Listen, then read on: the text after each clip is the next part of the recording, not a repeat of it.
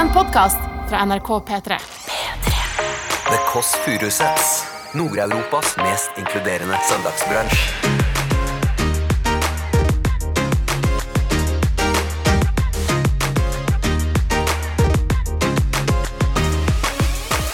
Det du hører lloydene nå, er en liten uh, kaffekopp som fylles. Det betyr at uh, brunsjen er i gang. Det er det Kåss Furuseths. Det er søndag, og hva er eh, moralen på søndager? Eller min moral, hvis jeg hadde, på en måte vært en gud. Veldig enkel moral. Det er at ingen skal være alene på søndager. Hvis man ikke absolutt eh, vil. Det er jo noen som sender inn e-post til tkfalfakrøll.nrk.no. Hva hvis jeg vil være alene på søndag? Da kan det være det. Men hvis ikke, så er du da eh, velkommen hit. Og skal ikke starte på en måte som en 17. mai-tale, men litt allikevel. I dag så er det litt annerledes, har jeg tenkt. Fordi jeg har tenkt litt mer eh, tematisk. Det er på en måte en utenforskaps ensomhetsspesial. Det jeg vil snakke med en person som jeg vet helt bombesikkert er smartere enn meg. Ikke noe ikke, litt, Slutt å si det hele tiden. Jo, men det, ja, men det er du. Eh, og jeg drømmer om en litt større eh, forståelse om hvorfor eh, vi ender opp som vi gjør, og kanskje da jeg sier øke toleransen. For mennesker som ikke har det akkurat sånn som du har det. Og Personen jeg har invitert hit i dag, det er Sturle Haugsgjeld. Velkommen hit. Hvis, uh, for de som ikke vet hvem du er. Ja. Kan ikke du fortelle er, finnes det? Er, finnes det noen? Det finnes helt sikkert noen uh, som nå tenker Hæ? Er, er, det ikke, er det ikke Emilie Nicolas på P3 i dag? Det er Sturle Haugsgjeld. Uh, hvem er du?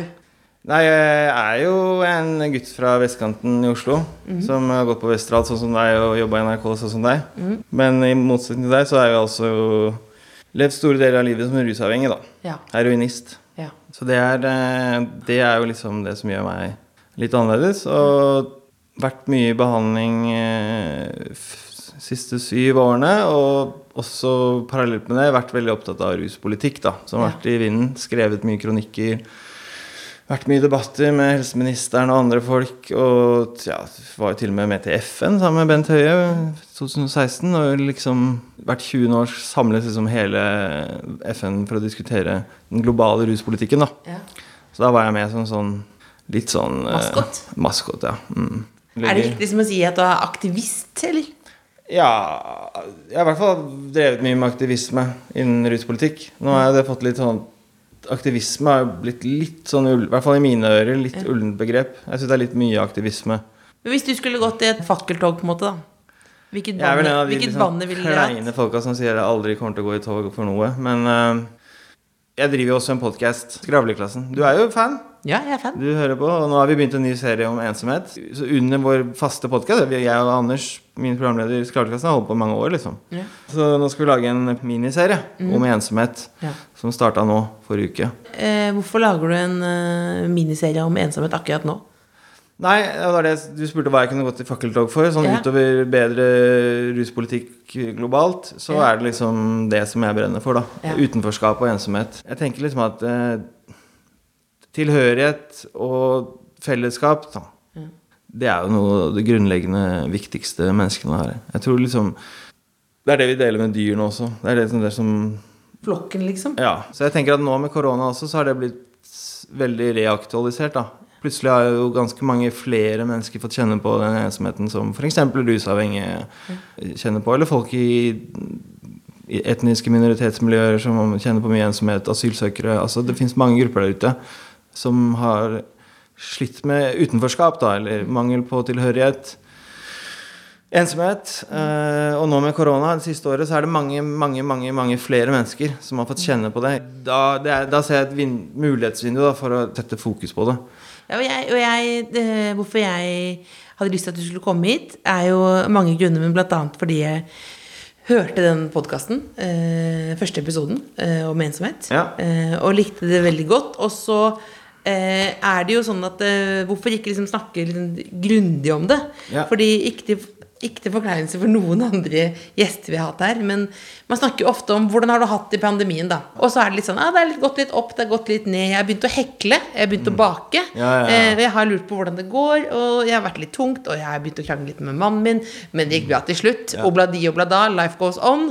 Eh, og nå er det vaksine, og så er det bra igjen. Mm. Eh, og så har jeg jo vært med i gjort masse sånne eh, psykisk helsearrangementer sjøl. Og ja. da er det sånn Spør mer. Tør å si at du har det dårlig sånn. Mm. Og så er det akkurat som at vi stopper eh, diskusjonen der, da.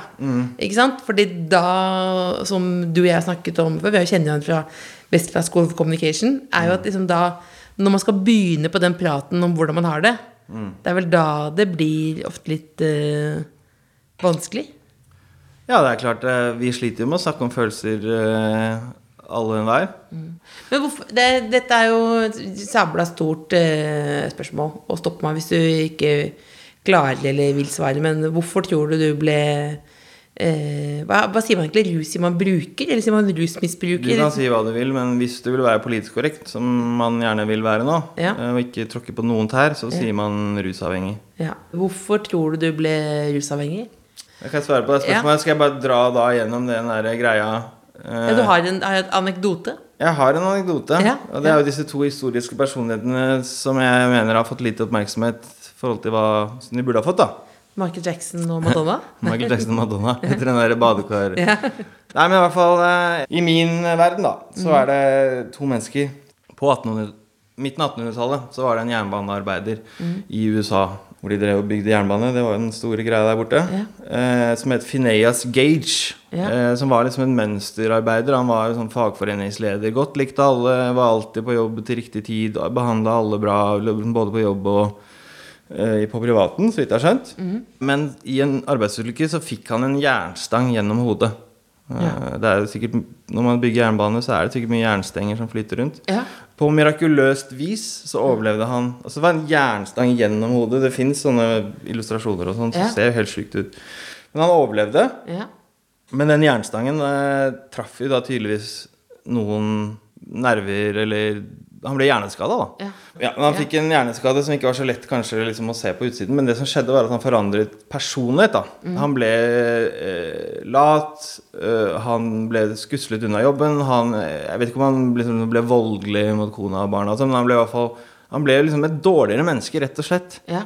Han ble en annen person. Han ble en annen person, og av en eller annen grunn så er han blitt forsket en del på. Og det har liksom blitt slått fast mer eller mindre at det var på en måte uforskyldt. da Altså den jernstangen gjorde noe med han som han ikke liksom hadde kontroll over selv. Så poenget med historien er jo liksom at denne jernstangen og oppførselen hans etterpå er uforskyldt. da Ja. Det er pga. noe utenfra som er helt Ja. utenfor hans kontroll. Ja. Så man kan på en måte unnskylde hans oppførsel. Ja. Og den andre personen, som egentlig er Det, det går jo på det samme. Da. Det er 100 år senere, så var det en marineoffiser som heter Charles Whitman, Ja. eh, fra Miami, som eh, også var en sånn superperson. Bare seksere på skolen, og alle likte godt og liksom var helt su- supersympatisk og oppofrende og gjorde jobben sin. og Alt Ikke noe liksom galt med han. Og plutselig en dag så skjøt han og drepte 16 mennesker. Og han også ble, av grunner jeg ikke har fullstendig oversikt over, forsket en del på. Og da fant de ut at han hadde en hjernesvulst. Ja. Og at den svulsten rett og slett presset på den var, det var, den var på størrelse med en hva var det, jeg husker hva det var, med en appelsin eller noe. Altså, det var en sånn grotesk størrelse som uoppdaget, da, som man Ja. fant etter de obduserte han. Ja. Og det man liksom har slått fast da, er litt det samme som han Phineas Gage med den jernstangen. At det var på en måte svulsten som drepte disse menneskene. Han hadde ikke kontroll over sine egne gjerninger. Ja. Så er moralen din da at, Moralen min, det er at alle har alle en har en jernstang? jernstang. Alle har en jernstang i større eller mindre grad. Og det er jo det som er litt min ja, mission, da. Ja. Å påpeke. At spesielt nå som vi lever i et samfunn hvor det blir mer og mer fokus på hvem som er snille og hvem som er slemme. Ikke sant? Både av etter metoo og eh, etter hvert med Trump-debatten og Black Lives Matter og mange andre ting, så er det veldig Veldig mye fokus på å liksom identifisere hvem er slemme og hvem er snille.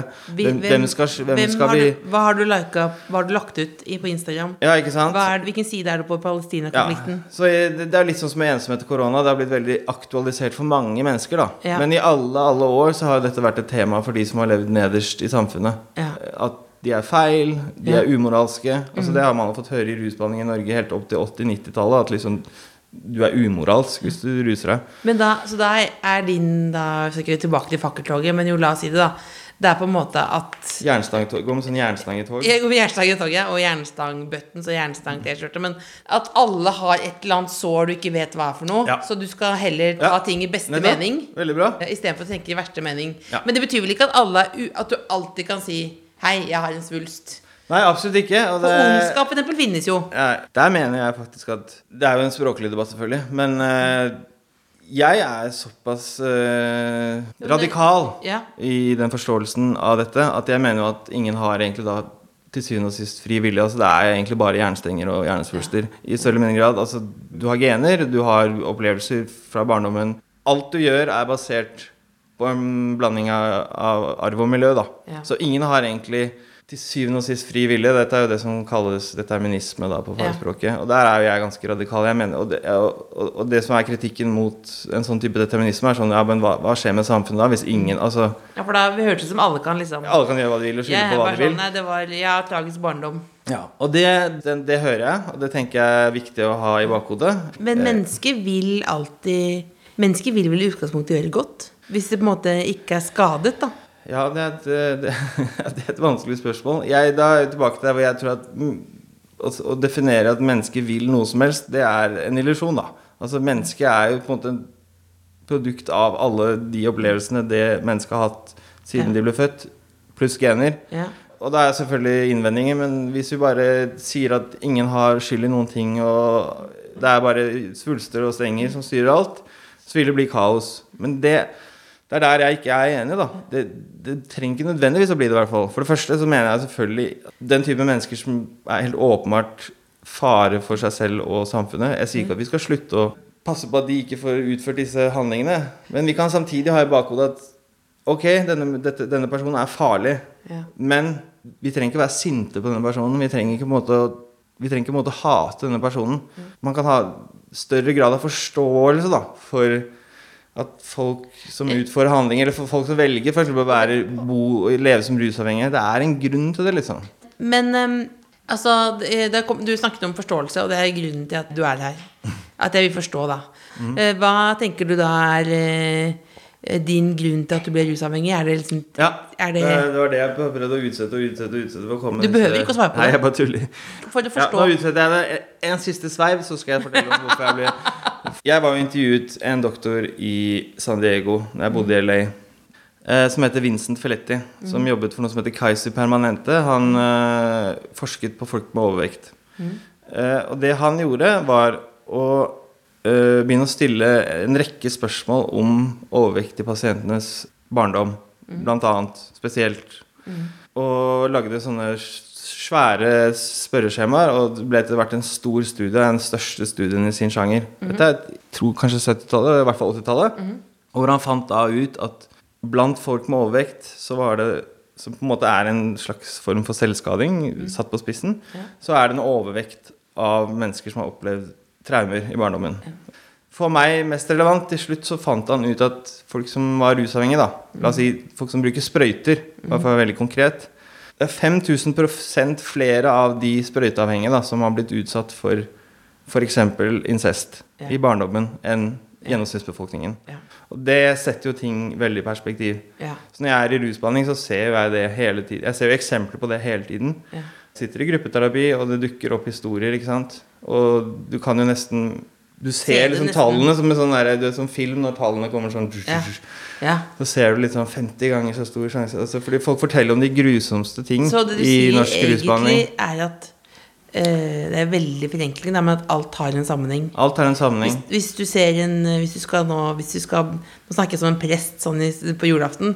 Hvis du ser en rusavhengig på gata, liksom Ja, og han gjør et eller annet da, ja, som og- stjeler en sykkel. Så stjeler en sykkel. Og så tenker du er- fy faen, for en drittsekk. Men så tenker du et, så bør du du- tenke etterpå Det er en eller annen grunn til Ja. at vi er der i dag. Og sjansen for at han har blitt utsatt for traumer i barndommen, vold, seksuelle Ja. overgrep, den er 5000 ganger 5000 større da enn vanlige folk. Mm. Så det er ikke 100 sikkert at vedkommende har blitt utsatt for det.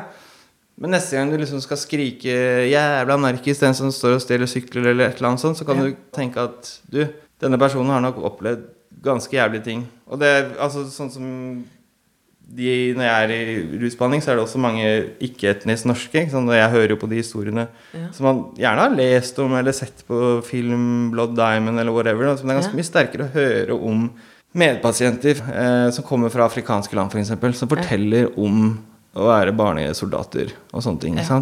Det, er- det er jo helt uh, sjukt. Det, denne, Det er jo helt sjukt å høre på. det den podkasten er nå, det håper jeg det er, det er jo en uh, wake-up call. Men så tenker jeg også når du snakker nå eh, For Altså, du, svarte folk, jeg- på, hadde- du svarte egentlig ikke på spørsmålet mitt. Så det, det, du egentlig sier, det, du, det du egentlig sier, er at du har opplevd jævlige ting.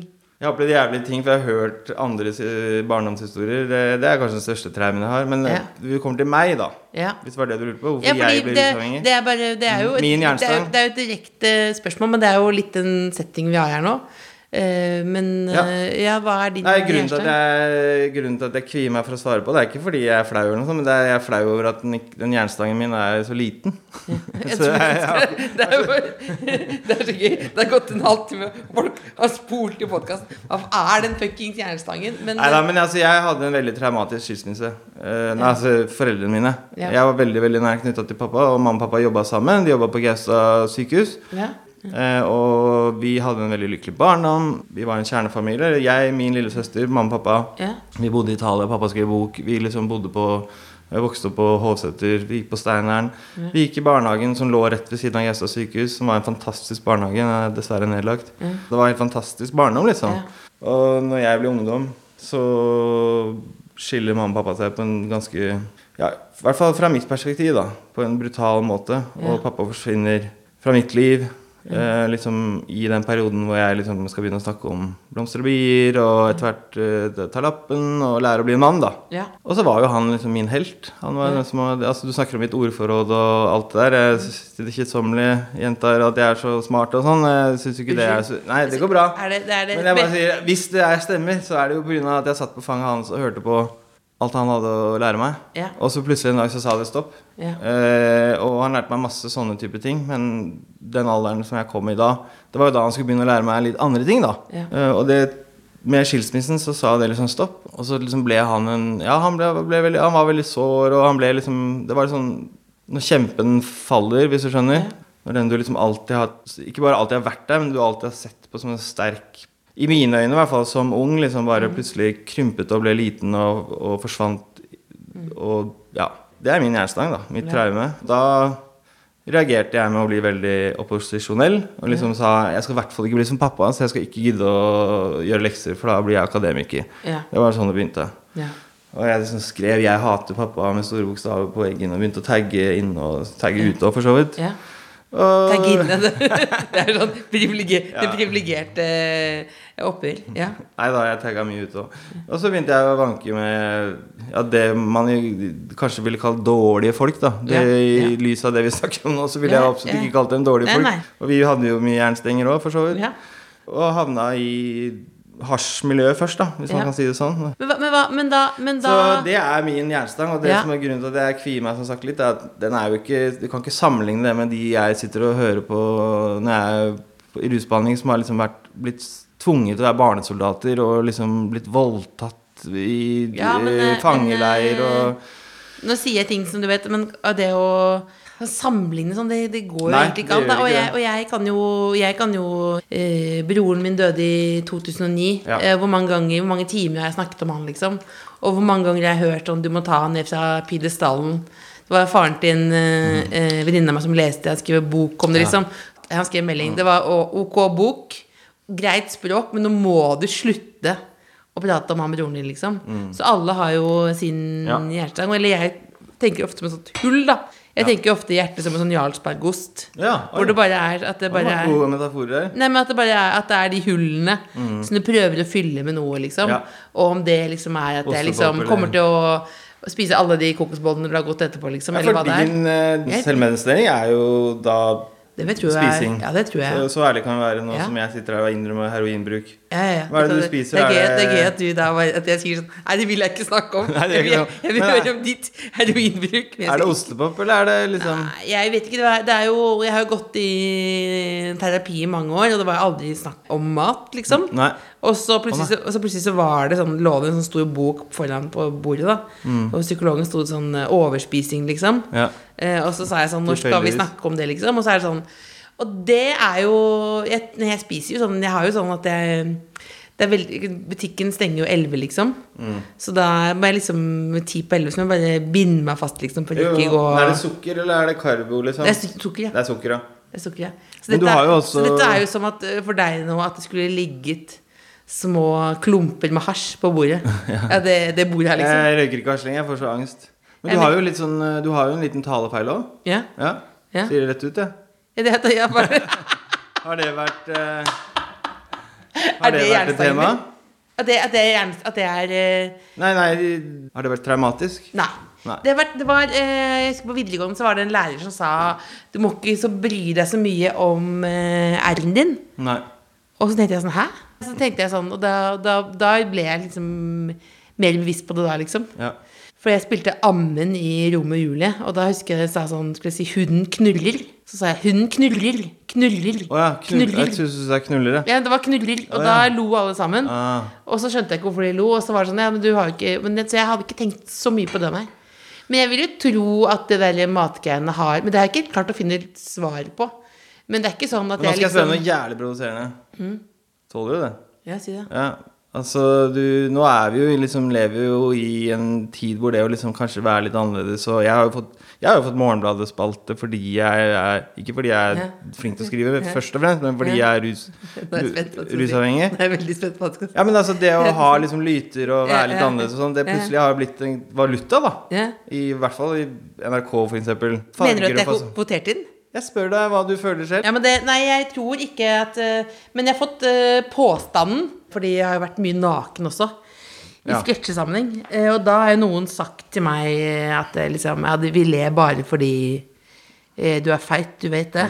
Ja. Da har ikke det vært så veldig tror jeg ærlig Jeg tror ikke det har vært så sårende, egentlig. Men jeg jeg tror på- Nei, men jeg tror på en måte at vi skulle si at kroppen måte var, Da var det mer som et sånt kostyme, liksom. Mm. Altså liksom at vet at de andre, de andre ikke er nakne fordi de er tynne. Ja. Og så sa jeg sånn Ja, men Og så har de andre verdighet. Nei, for det, det syns jeg er interessant, fordi Nei, men jeg, jeg skulle si at det, det er derfor jeg ikke orker å se på f.eks. Petter Uteligger og sånn. Det er sikkert dritbra, og jeg støtter alt arbeidet han gjør og sånn, men altså, jeg syns det er et eller annet sånn Det er mulig jeg er forutinntatt, og jeg er medielei og alt mulig, men at det alltid liksom rusavhengige skal ha den, havne i den rollen, da. De skal være sånn Så lenge vi liksom er jævlig blide og har kommet oss gjennom kneika og sånn, og selger blad eller kaffe eller noe sånt, men vi skal liksom ikke noe lenger enn det, da. Nei, men liksom det, det er jo at alle, eh, alle fra Uansett hvilken gruppe det er, da, de skal være eh, like på et eller annet vis. Ikke Ja. sant? Og så er det sånn, da er det jo ulike Det er jo ulike trender liksom, som ikke sikkert forvandler seg litt. Liksom. Husker du det var denne serien på eh, NRK Uten grenser? Ja, ja, ja. Hvor, eh, folk, Skarstein ja, ikke sant? hvor du skal opp på fjelltopp med rullestol, liksom.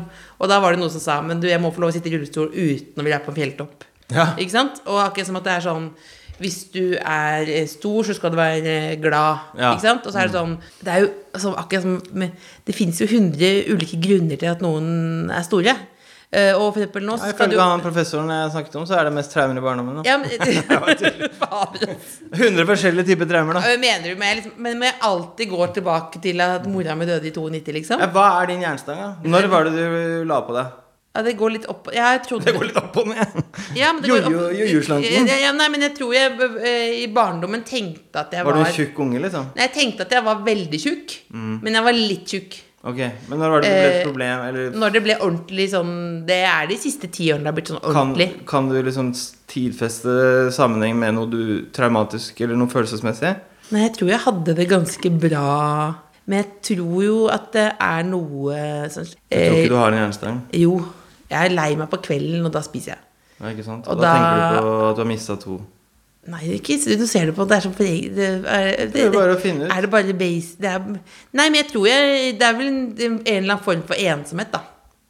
Ikke sant? Det er det. Ja. Og da om det er nødvendigvis akkurat er tilbake mist- til de to, det er jeg ikke helt sikker på. At jeg mistet moren og broren min i selvmord. Jeg vet ikke om det akkurat er det, men Du begynte ikke å skarre fordi du mista de to? Nei, skulle, jeg fikk jo gaven, eh, Ja. som jeg kaller det. jeg ler, Eh, altså. R-en fikk jeg jo av broderen. Ja. Eh, ja. Som eh, R, Jeg fikk den R-en fordi er han var bestevenn med eh, Astrid Huitfeldt.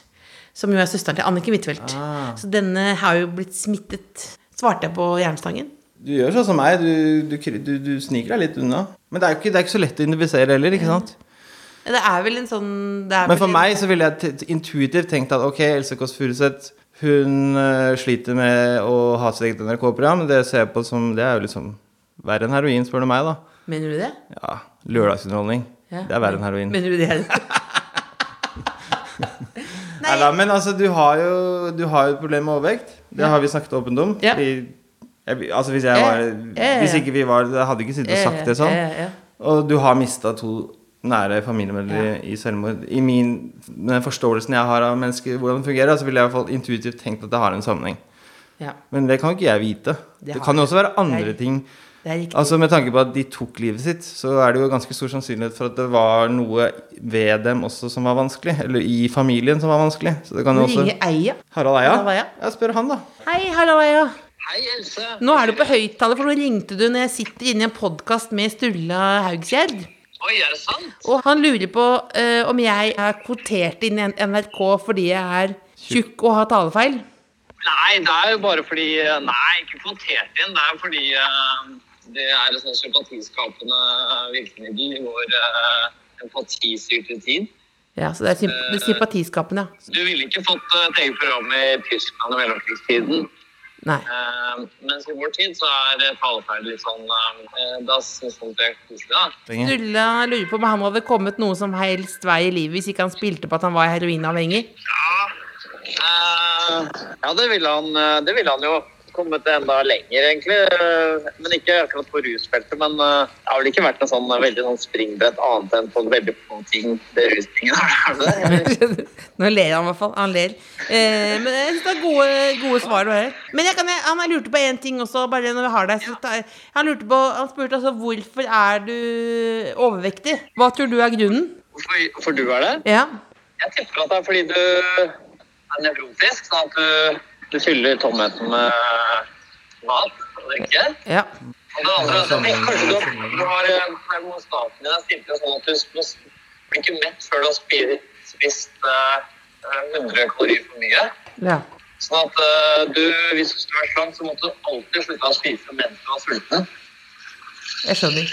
Og det er en vane, på en måte. Men du sa tomhet også. Det var veldig bra. Det var, det var veldig nå jeg, jeg begynte å spørre hvorfor Sturla var eh, heroinavhengig, og da spurte han tilbake hvorfor er du overvektig. Så det, da, da blir det en, eh, det blir, det blir en team podkast her. Det riktige er at det ikke handler om noe du har valgt sjøl. Det er ikke dere som velger sjøl å spise eller sette heroin. Og nå sier du det ironisk, eller hva? Nei, det er liksom I tråd med tidens melodi, så er det jo aldri du vet at han har tatt den eh, testen på meg, vet du. Så han vet jo alt om mine Ja, Du mener alltid at det er noe annet. Altså, du, men mener du egentlig nå at vi er sutrekopper, Sturla og jeg? Nei, jeg bare mener at uh, som en fyr uh, maila til meg Det er ikke noen andre som har spist av maten som gjør at jeg veier 170 kilo. Det er jeg. Men uh, takk for gode innspill. Hils. Fader. Nå, får, nå blir det overskrifter igjen. Folk raser mot Harald Veia. Jeg ringer opp igjen, jeg. Ha det. Gjør det. Ha det. Men, eh, men jeg sa, han sa jo noe om tom, tomhet, da. Men fader, vi må passe på tiden. Og øh, jeg syns at du har, du har Jeg hørte deg snakke tidligere om at empati er en muskel Ja. øh, som kan trenes opp. Nei, altså Empatimuskelen, tanken med det er at øh, i likhet med kognitive egenskaper og liksom konsentrasjonsevne Alt kan trenes, og hvis du ikke leser, øver deg på å lese osv., så, videre, så så blir de kognitive musklene svakere. Akkurat som når du bygger muskler på helsestudio. Og hvis du bare sitter og spiser eh, feit mat, så blir du feit og dårlig trent og får høyt kolesterol. Når det kommer til empati, så tenker jeg at for det første så er empati en muskel som kan trenes. altså ved å liksom det som heter mentalisering, gjerne, på rusbehandlingsspråket. Det handler jo om å lære å sette seg inn i andre menneskers situasjon. Øve seg på å bruke liksom krefter på Sånn som vi gjør nå, f.eks. Ja. med disse Jeg prøver å skjønne jernstangen. ikke sant? Prøve, ja, Jeg prøver å skjønne deg, du prøver å skjønne meg. Men uh, for lytterne der ute, prøv å skjønne ikke oss, først og fremst. Prøv å skjønne liksom fetteren din som uh, Vi er vel bare eksempler. ja. Men det andre jeg mener med empatimuskelen, er jo at den er uh, Uansett hvor mye man trener den, så er, har du så og så mye empatikrefter per dag eller per år. Eller, altså, den blir brukt opp, da. Jeg syns at vi er inne i en tid hvor tendensen er at man bruker litt vel mye av den empatimuskelen. På nettet, for det første, men også Se det, abstrakte. Se hvor god jeg er, og jeg mener de riktige tingene om alle mulige svake grupper, inkludert rusavhengige. Mm. Mens det vi har glemt litt, er jo den empatimuskelen eller det bruksområdet for empatimuskelen som kanskje, kanskje ville vært ekstra viktig i koronatider, er jo liksom ringe den kompisen som du veit alltid kanskje har det litt vanskeligere. For eksempel så er det veldig fristende når ting åpner nå litt opp, ikke sant? og man kan være litt sammen med folk, sånn, så er det fristende å henge med de kule venninnene som man har savna. Jeg tenker liksom Ok, de venninnene, de har jo hverandre. Er det virkelig de Er det de det er mest akutt å bruke kreftene sine på? Eller har de det ganske greit? Har man noen i sitt nettverk, sin familie, eh, som har liksom kanskje ikke er frister så mye å henge ut med nå i starten, eh, når sommeren kommer nå og ting åpner opp, liksom? Fordi de er kanskje litt slitsomme, de, eller de ruser seg litt mye, eller de er litt too much eller too little, eller et eller annet, de er ikke så interessante. Men det betyr jævlig mye for dem, da. Så tenk om du kanskje har lyst til å bruke litt av de empatikreftene på de i nettverket ditt som du innerst inne kanskje veit ikke får noe særlig telefoner nå heller. For det tror jeg faktisk er en ekstrabelastning for ensomme folk nå. At når samfunnet åpner, så er det jo sånn at man alltid har liksom tenkt Ja, det er ingen som ringer meg, for det er jo korona. Men nå som ting åpner, så tror jeg det er en jævlig stor gruppe med ganske ensomme folk som liksom vet Oi, nå er samfunnet åpnet, men oi, det er ingen som ringer, jo. Den gruppen, Det er nesten som startskuddet i sentrumsløpet i Oslo. Ja. Og når følerne åpner igjen nå, og man eh, Vi må få med oss alle. Ja, vi får med oss alle. må- Og musikken står på, og det er folkefest. Vi må gestalte Og mange tenker sånn Fader, dette blir jævlig, Vi må liksom. huske Folkefesten må ikke bare være de kule som Yes, nå kan alle vi kule vellykkede møtes og klemme og sånn. Vi må faktisk ta den turnen og dra med oss liksom de For det har jo vært liksom en av mine sånn minikjepphester også. Da, at Ja, og så er det jo det at man um, ofte, hvis man er i en krise, så, så er liksom det liksom, Strekke ut en hånd, liksom. Og så så er jo ofte det Det er jo ganske vanskelig fordi kanskje man ikke vil ha hjelp. ja. Og kanskje man uh, i hvert fall later som man ikke vil ha hjelp, eller ikke orker å få hjelp. Og man vil ikke vise seg når man er på sitt eh, verste. Og det å tåle den andre personen, da. Ja. Og vise at 'jeg tåler deg', Ja. det tror jeg vi liksom snakker litt lite om, da. Både huske det med jernstangen. De har sannsynligvis en god grunn til å havne der de gjør, men også det med å prøve å inkludere dem. Ta dem inn. For det er jo veien til å på en måte dra jernstangen ut. ikke sant? Det er jo at de får kjenne på inkludering og tilhørighet. Så ring en venn, men ikke ring ballets dronning først, liksom. Ja. Ring eh, han som du veit har sittet ensom og drukket øl aleine hele pandemien. Det fikk jeg lyst til å ha på T-skjorte. Ring en venn, men ikke ring ballets dronning først. Ring han som har sittet ensom og drukket øl hele pandemien. Oh, den Hvis du gidder, der, da. det XXL. XXL, ja. Passer på tjukke folk også. Jeg startet med å si at det ikke skulle bli som 17. mai-tallet, men det var jo en slags 17. mai-tallet. Det mener jeg på den beste mulige måten. Eh, og det å tåle hverandre. Så jeg vil bare si at jeg syns det var dritkoselig at du kom. Ja, og jeg syns det var veldig kult at du Det er også blitt en litt sånn floskel at du deler så mye. Eh, Og for- konfronterer deg også litt. og konfronterer så mye, for det å bli konfrontert, eh, det oppfatter jeg som kjærlighet. Ja, ikke sant? Eh, Det, opp, Mm. det, men det at man blir sett, og det elsker jo jeg som alle andre. Ingen fare, du er veldig synlig. I hvert fall med den T-skjorten du skal få der. Hva var det for noe? Ring en venn. Ring en venn, og når du ringer, ikke ring først ballets dronning. Ring han som har eh, drukket øl aleine hele pandemien. The Kåss Furuseths.